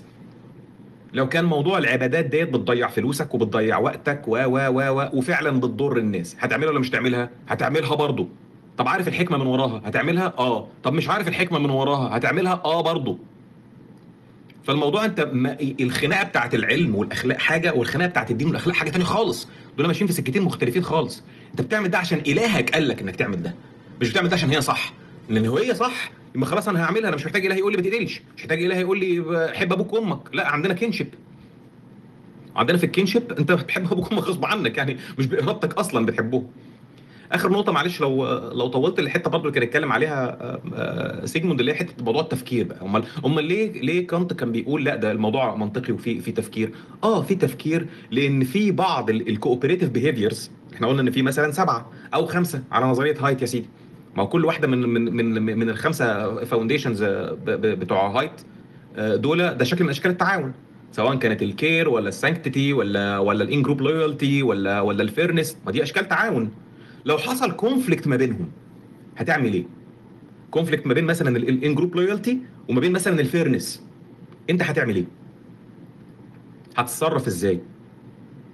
هتضحي ولا هتبقى عادل مثلا؟ هت هت هتهاجمه؟ هتهاجم الشخص ولا هتبقى حنين عليه مثلا؟ يعني ال fairness مثلا إنك أنت تسجن أبوك. ده ال fair لكن في الأول وفي الآخر ده في أنت عندك loyalty عندك in-group loyalty هتبدي العدل وال fairness على انتمائك للمجموعه ولا هتعمل العكس؟ هنا بقى يجي التفكير. التفكير بقى بيجي في الحتة دي في حتة إنك أنت هنا فعلا عندك ما بين ما بين اختيارين أحلاهم مر بالنسبة لك. ساعتها بي... العلم بقى هنا يتكلم بقى. العلم يتكلم يقول لك بقى خليك utilitarian.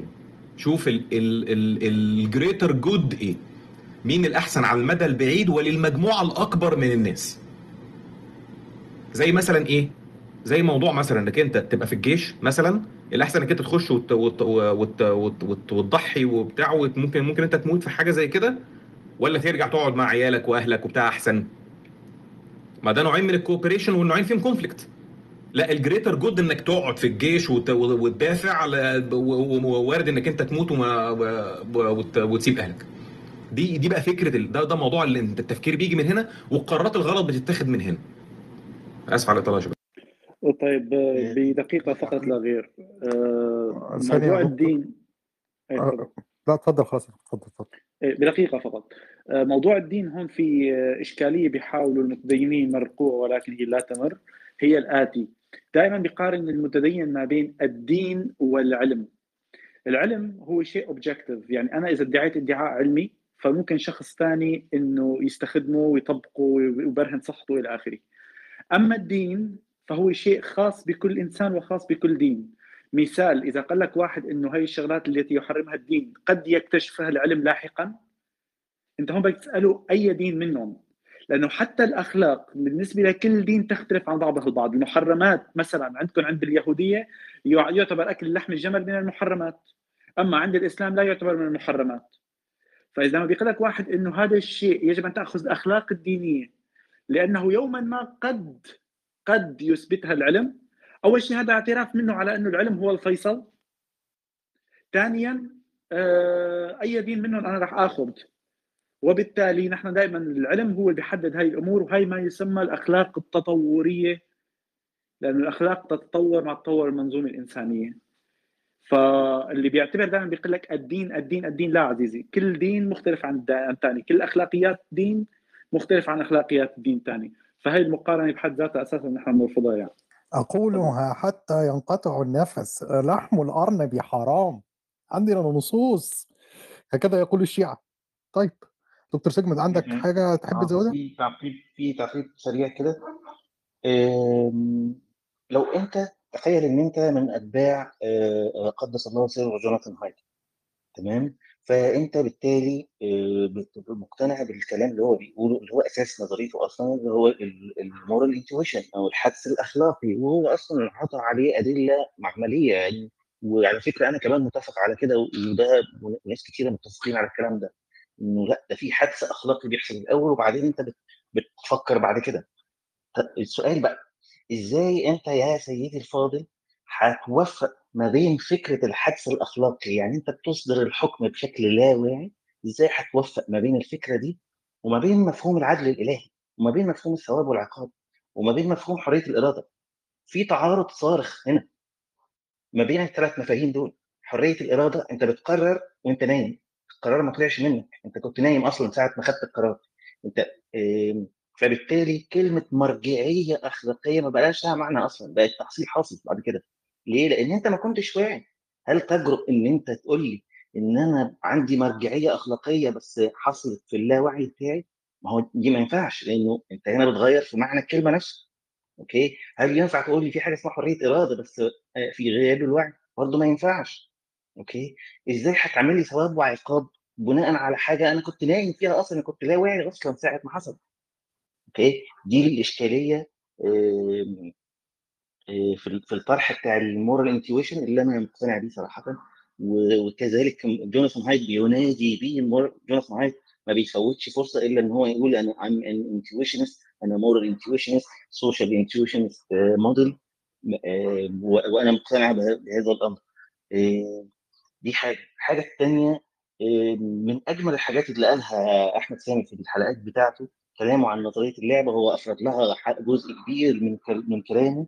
لو تلاحظ يا صديقي إنه الناس اللي تتكلم في نظرية الأخلاق دايما على كلاب هاوس بيحاولوا يتجاهلوا تماما نظرية اللعبه لأنه هو زي ما شفنا كده مع مع أحمد جون ناش نفسه اتكلم فيها وناس كتير اتكلموا فيها هتحل هتحل حاجات كانت بتعتبر اشكاليات زمان.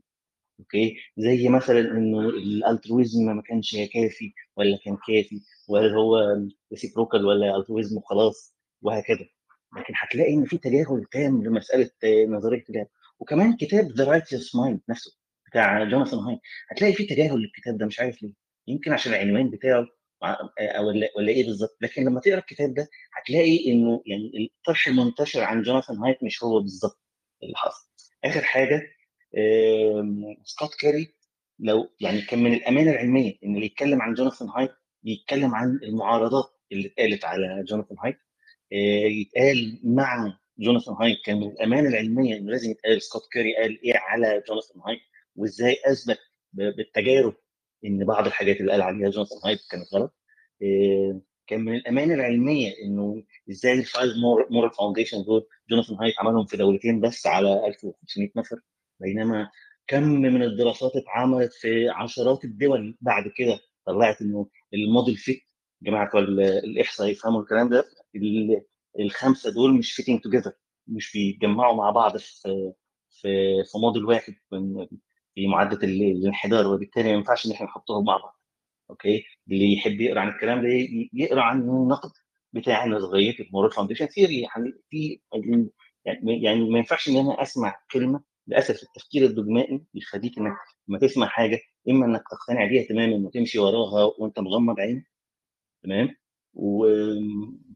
واما ان أنت ترفضها وخلاص برضه وأنت مغمض عينك لأ اسمع الكلام ونقحه في دماغك ودور بعد ما تسمعه دور إيه ال criticism بتاع ال moral foundation؟ theory هتلاقي فيه كلام كتير هتلاقي فيه دراسات كتير بتقول غير الكلام ده. آسف جدا على الإطالة. لا لا خالص يا دكتور سيجمنت طيب قبل ما نمشي مع الناس في صديق بعت لي سؤال وهو بالانجليزيه فانا هقراه زي ما هو واستاذ احمد سامي أو دكتور سيجمنت لو ممكن تدونا رد عليه uh, it's a question for anyone who could answer it could you ask the panel regarding moral axioms please there are many ethical theories out there and if one wants to evaluate them one must have axioms to evaluate these theories. Could you ask the panel whether they process they possess a good reference regarding moral axioms? And do they have personal axioms? أعتقد إن هو بيتكلم على حاجة ليها علاقة بثوابت أخلاقية علشان تقدر إن أنت تختار فلسفة من فلسفة الأخلاق يعني يحكي عن مسلمات أخلاقية. أو مسلمات يعني. مسلمات إيه. بعت لي السؤال على رجع بعت لي السؤال لو سمحت.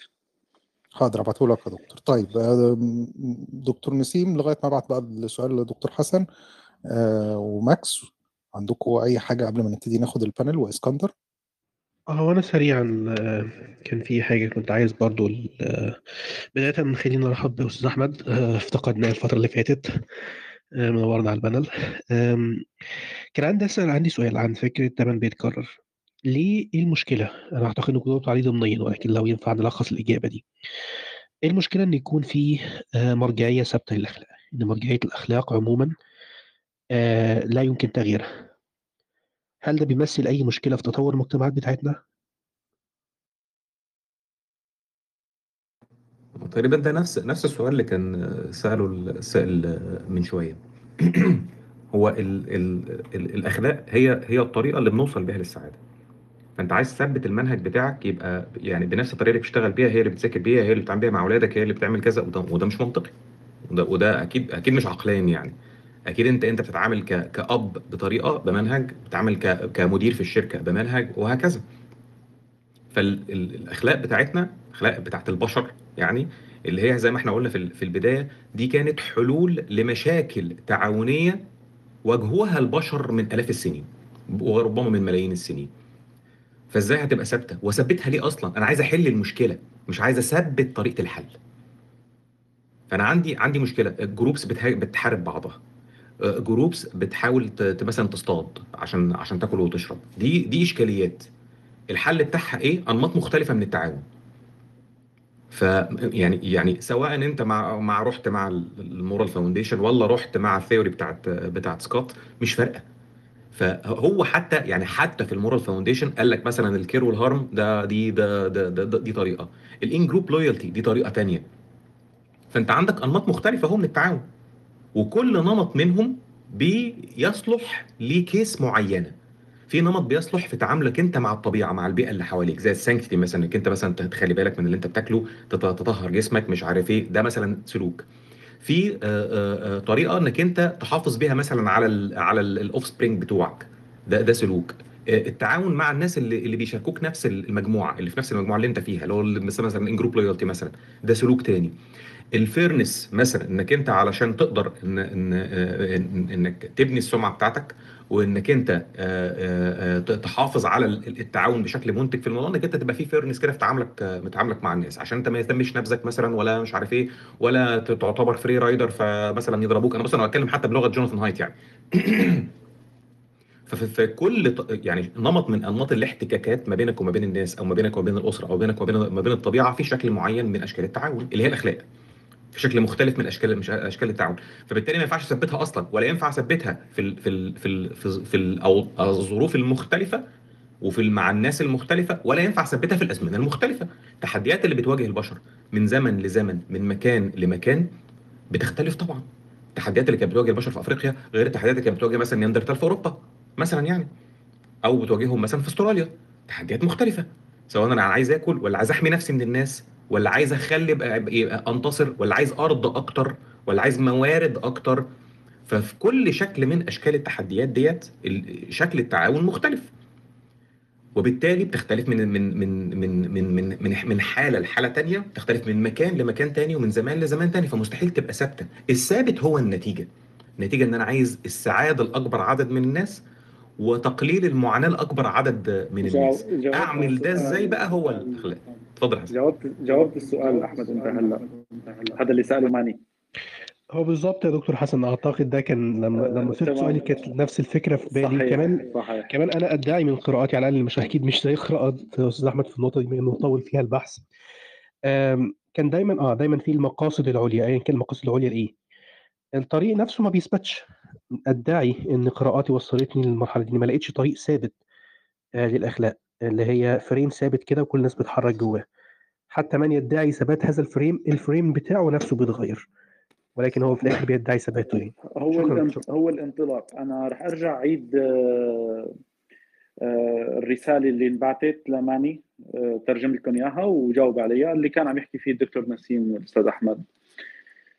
الشخص باعت رسالة إنه هذا السؤال كل واحد حاب يجاوب بده يسأل عن ال moral axioms أو بتسميها أنت فينا نسميها البديهيات الأخلاقية الشغلات الأخلاقية المتفق عليها يعني يعني الشغلات اللي كل العالم مقتنعين إنه هي شيء صحيح. السؤال إنه في عندنا كثير نظريات أخلاقية بهذا العالم وبس إذا الواحد حابب يقيمها لازم يكون عنده بديهيات ينطلق منها. يعني شغلات هو مسلم إنها هي شيء صحيح. ضروريات أخلاقية خلينا نسميها. فهو عم يسأل إذا عندنا نحن أي مرجع حول موضوع المورال اكسيومز أو إذا عندنا نحن personal axioms مثل بديهيات أخلاقية شخصية. عمليا مثل ما حكى الأستاذ أحمد والدكتور نسيم هلأ هي الفلسفة بشكل عام هي إلى خمس فروع شهيرة هي موضوع ال ontology الوجوديات والابستمولوجي نظرية المعرفة وال phenomenology الظواهر وال logic المنطق وال ethics اللي هي الأخلاق. فضمن فلسفة الأخلاق في عندنا شيء نحن بنسميه formal ethics أو أو شو بدك تسميها الأخلاق الصورية أو الأخلاق الرسمية. فهون نحن نصير شيء شبيه بال formal logic لما بنحكي عن المنطق الصوري أو شيء. بيكون في axioms و postulates وهيك شغلات البديهيات والمسلمات البديهيات ببساطة هي شيء بتنطلق منه. هو ما له إطار. هو راح يحددك. هي كان عم يحكي عن الدكتور نسيم إنه أنت ما فيك تحط مثل frame كامل هذا ال frame أنت ما فيك تخرج منه لأنه تحديد ال frame معناتها بدك تحدد شو هي الأخلاق المطلقة. وما في شيء اسمه أخلاق مطلقة الاخلاق هي نسبية معيارية. أما المنطلق اللي ممكن أنت تنطلق منه هو كثير أمور. نحن بنسميها ال golden rules أو أو القواعد الذهبية. اللي هي إذا بدك تحكي فيها بشكل بسيط حيوي إلى الكائنات الحية أو بشكل بسيط إنه عادة أنت إما آه، قصدا أو عن دون قصد تفعل للناس ما للأشخاص ما ترغب أن يفعلونه لك وتتجنب أن تفعل ما ما تريدهم أن يتجنبوا فعله لك. بس إذا بدك تيجي كمان على axioms ثانية فيك تقول موضوع ال human well-being رفاهيه البشر أو سعادة البشر. فهي تسعى إلى زيادة سعادة البشر بقدر الإمكان وتقليل معاناتهم بقدر الإمكان مع تقديم تقليل المعاناة على آه، تحقيق الرفاهية واللي حتى على فكرة دينيا بتلاقيها مكتوبة بيقول لك إنه آه، آه، شو كانت هذيك مقدم على إنه دفع الضرر مقدم على تحقيق المنفعة ما هيك؟ بهالمعنى يعني. جلب المصالح مقدم على دار المفاسد. تماما يعني. سوري دار دار المفاسد مقدم على جلب المصالح العكس. تماما. صحيح. فأنت عمليا نحن عندنا موضوع إنه القواعد تبعتك أساسية إنك أنت لا تفعل للناس ما لا ترغب أن يفعلوه آه، لا تفعل للناس ما لا ترغب أن يفعلوه لك. افعل للناس ما ترغب أن يفعلوه لك. تحقيق أكبر سعادة ممكنة وتقليل الألم إلى أقل درجة ممكنة بشكل نسبي معياري ما بين هذول المواضيع. وعلى هذا الأساس ممكن تنطلق. هل في عندك axiom ثاني؟ في كثير فأنت ممكن تشوف موضوع ال formal ethics وموضوع ال moral axioms وتنطلق منها. أه بس لاحظ أنت عم تنطلق من شيء بسيط وتبني عليه. على عكس ما تفعل الأديان بتقول لك إنه لا أنا راح أعطيك الأخلاق المطلقة وأنت ما راح تقدر توصل عليها لأنه مو هيك بتصير الأمور. الأمور يبدأ من الأبسط إلى المعقد وليس من المعقد إلى الأبسط. تمام. مشكور جدا يا دكتور. طيب ماكس في عندك حاجة تحب إن أنت تضيفها أو تسأل فيها أو تقول لنا عليها؟ والله أنا عندي بس سؤال قد يكون متعلق بالموضوع بشكل صميمي أو لا. المعضلات الأخلاقية مثل معضلة يوثيثرا ومعضلة القطار وهاي المعضلات اللي بنضل نسمع فيها ولماذا تنكح أمك؟ يعني بشوف هاي المعضلات شو ما جاوبت أنت عم جاوب غلط. بس حاب أعرف شو الهدف منها. بحسها أسئلة فخ يعني ما ما في جواب عليها. طيب. آه أنا هجاوبك على السريع. آه لما بنيجي نحن على هي الأمور عندنا ثلاث شغلات. عندنا شيء اسمه بروبلم مشكلة وعندنا شيء اسمه دايلاما آه معضله وعندنا شيء اسمه paradox آه مفارقة. ال paradox مشان توضح لك إنه أنت المنطلق المنطلق منه هذا الشيء خاطئ لأنه يدور على نفسه. مثل godfather paradox مثلا. مو godfather sorry ال grandfather paradox معضله الج... آه، مفارقة الجد تبعية الزمن. مشان يبين لك إنه أنت افتراضك الأول أساسا في خطأ أو أنت هذا بيؤدي إلى مشكلة معينة. أما ال dilemma مثل معضله ال trolley dilemma آه هذه مشان تبين لك إنه لا يوجد جواب صحيح مطلق. وهذا أكبر دليل إنه الأخلاق هي شيء نسبي ترجيحي. بالعكس الفائدة منها إنها تبين لك إنه لا. نحن عملنا room كاملة عن موضوع آه معضلة العربة. مشان نبين لك إنه لا يمكن بهذه البساطة أن تقول هذا صحيح وهذا خطأ. أما ال problem المشكلة هي شيء آه، ممكن يكون له حل ولكن حله صعب نوعا ما. وحله بيكون عادة آه، فيه آه، ما هو توازنات. دكتور حسن حتى لما بتشرح الشيء في عالم لسه عم تحاول تلاقي جواب. صحيح لذلك نحن قلنا هلا مشان اللي بده يفهم موضوع مثلا اللي كان عم يحكي عنه ماكس تروي دالاما مثلا. إذا أنت كان عندك عربة قطار هذه العربة جاي بشكل مستعجل ولا يمكن كبح هذا القطار. وأنت معك الستيك العصا تبعيت اللي تتحكم أنت بمفرقي القطار يا بيروح على اليمين ويا بيروح على اليسار. على اليمين عندك شخص طبعا هي كثير أنواع حكيناهم كلياتهم أظن الروم مسجلة. إذا كان على اليمين في شخص آه، مربوط على سكة الحديد. وعلى اليسار في ثلاث أشخاص مربوطين على سكة الحديد. فأنت إذا كان عندك الخيار يا بده يروح على اليمين يا بده يروح على اليسار ما هو الخيار الأخلاقي الأفضل؟ هون بدنا نشوف إنه ما في شيء اسمه خيار أخلاقي أفضل. إذا أنت فضلت إنه يموت واحد بدل ما يموتوا ثلاثة فأنت هون قدمت العدد على أو الكم على الكيف مثلا لأنك أنت ما بتعرف الكيف. طب إذا قلنا لك هذا الواحد هو شخص كان رح يموت أو هذا الواحد هو دكتور جامعة سوف يخترع اختراع وهذول ثلاثة أشخاص غير مهمين. فدائما بتحس هون إنه الشغلة الأخلاقية هي شيء مو واحد زائد واحد يساوي اثنين. هي شيء ما هذا الشيء المطلق اللي أنت فيك تحكي عنه. بل هي شيء نسبي يحتمل الكثير من الأمور. ولذلك نحن عندنا كثير نظريات بتحكم هذا الموضوع يعني. وهي الفائدة منها إنك تبين إنه الأخلاق هي شيء نسبي معياري تطوري ترجيحي. طب أعطيك أنا جواب هلأ يمكن ما يعجبك. شو تموت الاربعه لا. آه، الجواب إنه أنا بحل كل هاي المعضلات وكل هاي الأسئلة وكل هاي الخلافات اللي بيناتكم بإني أقول إنه مصدر الأخلاق آه، مطلق آه، جاييني من ميتافيزيقا معينة وانتهى الموضوع. صحيح. صحيح. وهذا وهذا اسمه الجواب السهل. أكثر الأجوبة الدينية هي عبارة عن جواب سهل لكونك بدك تحس حالك مرتاح بدك تحس إنه هذا الجواب إجاك من فوق فأنت ما في داعي تناقش صحته من خطأه. فأنت ببساطة عندك واحد يأمرك كي تفعل الأمور وإذا أخطأت تقول الله يلعن الشيطان. فايه طبعا الأديان هي أساسا وجدت مشان تقليل العبء الأسئلة الوجودية يعني. طب ماشي خلينا خلينا نسمع رد الأديان. إيه؟ يعني أنا كنت نفسي أسمع رد.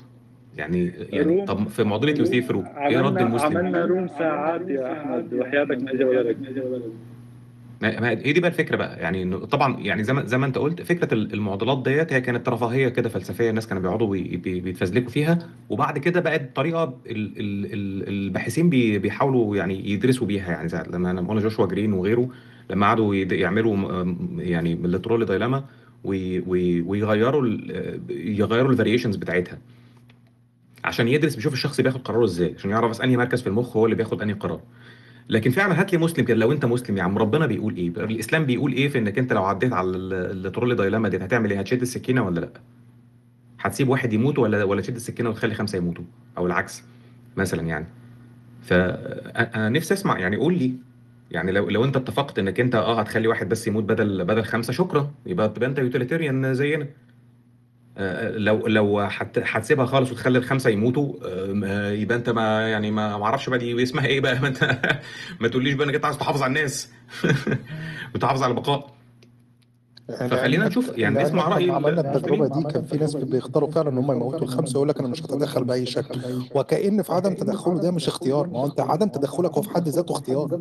بالظبط بالظبط بالظبط. يعني آه، وال وال وال وكانت لما كان كان جوشوا كان بيدرس الموضوع آه، علشان موضوع اليوتيليتيريانزم ومش عارف إيه والناس بعد كده طبعا عملوا عليه شوية إشكاليات لأن هو غير الموضوع لقصة من قصة ديت لقصة بتاعت آه، انت طب لو أنت معدي من فوق القطر و وهترمي واحد ترمي واحد ويموت ولا تسيب القطر يدوس خمسة؟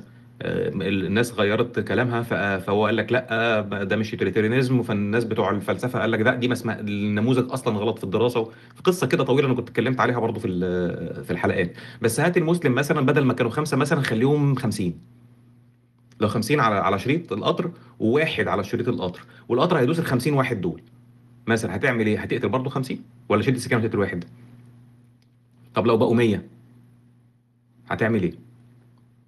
حتى يعني سيدنا الجوكر لما كان في في, في بتاع Dark Knight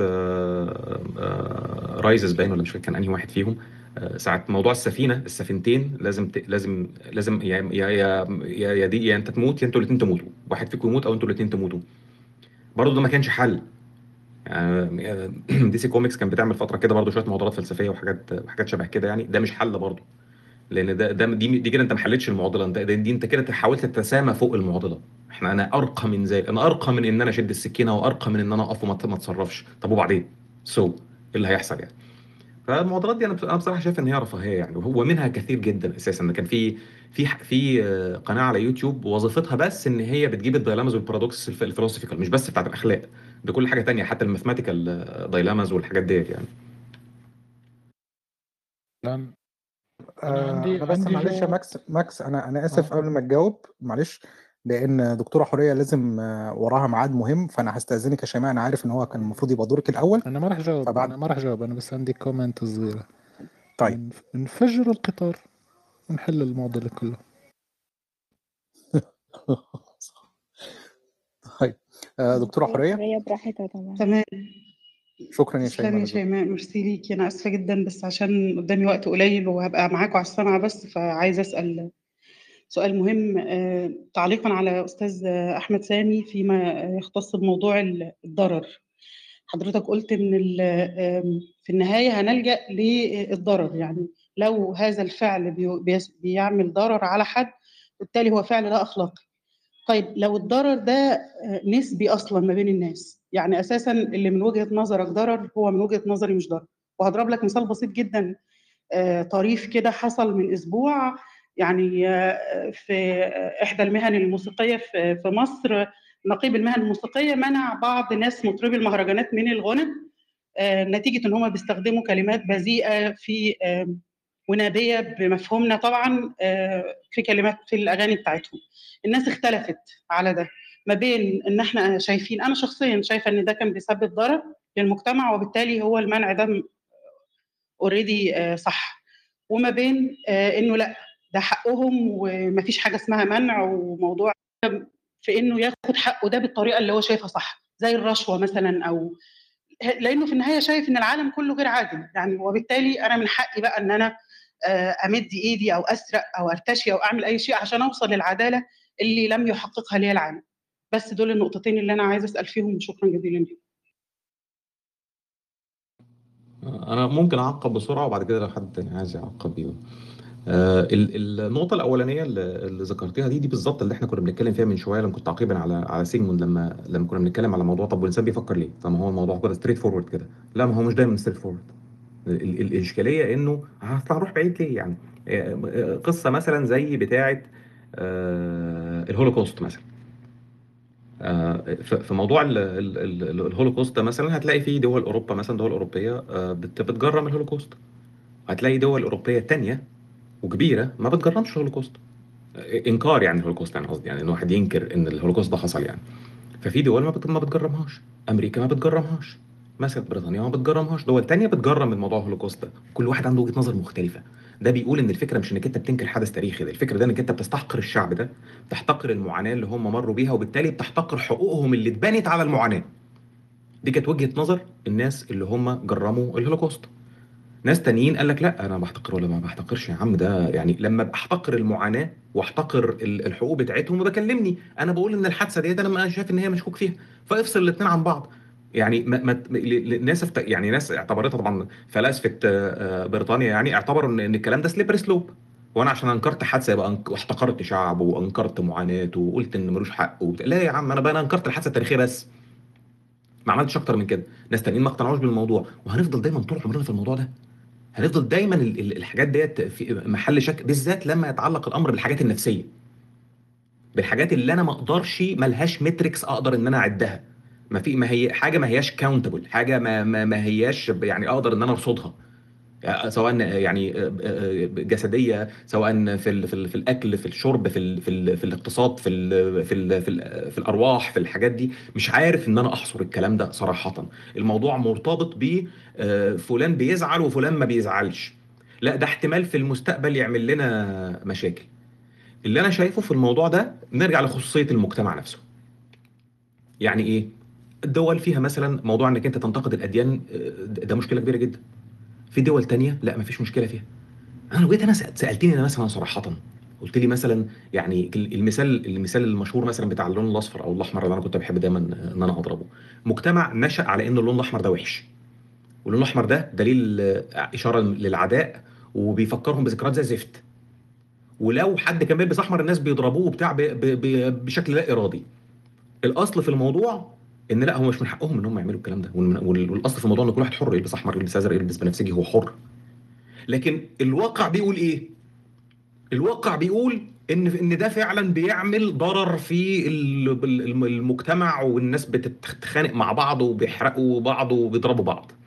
يبقى الصح إن أنا أعمل قانون اجرم اللون الأحمر. خصوصية المجتمع ده بتقول لي أعمل الكلام ده.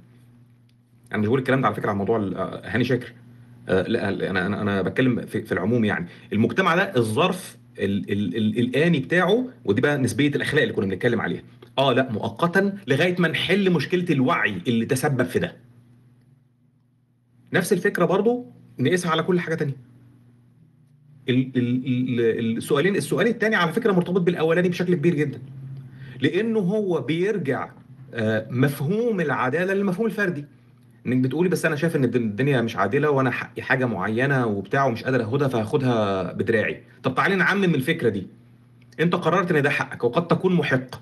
لو كل واحد قرر الكلام ده هل أنا ضامن ان تقييم كل واحد لما هو حق ليه ده هيبقى صح؟ ما جايز يكون هو فاهم ان ده حقه. لكن ده مش ده لكن ده مش حقه. فلا طبعا صفر زائد صفر ما بيساويش واحد. أكيد ما بيساويش واحد.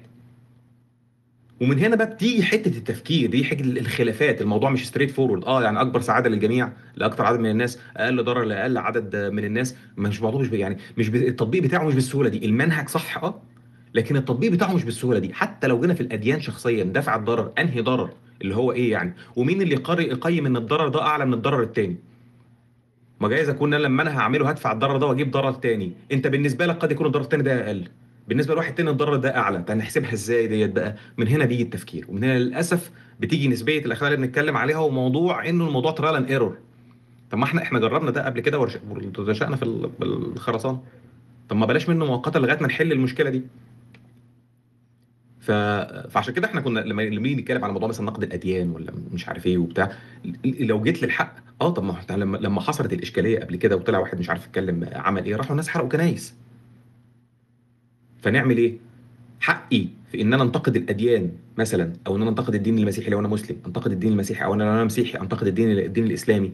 هل الحق ده أحسن ولا حماية المجتمع من من الشغب والحاجات دي أحسن؟ ما حسب أنا بتعامل مع مين وحسب أنا الناس بتلقى إيه. مضطر للأسف إن أنا أظبط ال- ال- ال- البوصلة بتاعتي على اللي موجود دلوقتي وأشتغل على الحل. أشتغل على إن أنا أحل ده. زي ما كنا بنتكلم ده برضه على الديمقراطية قبل كده. كنا بنتكلم على الديمقراطية لك يعني مش يعني مش معقولة من الديمقراطية ان ان ان إن مثلا غزالة تاخد رأي سبع أسود ياكلوا إيه على العشاء النهارده؟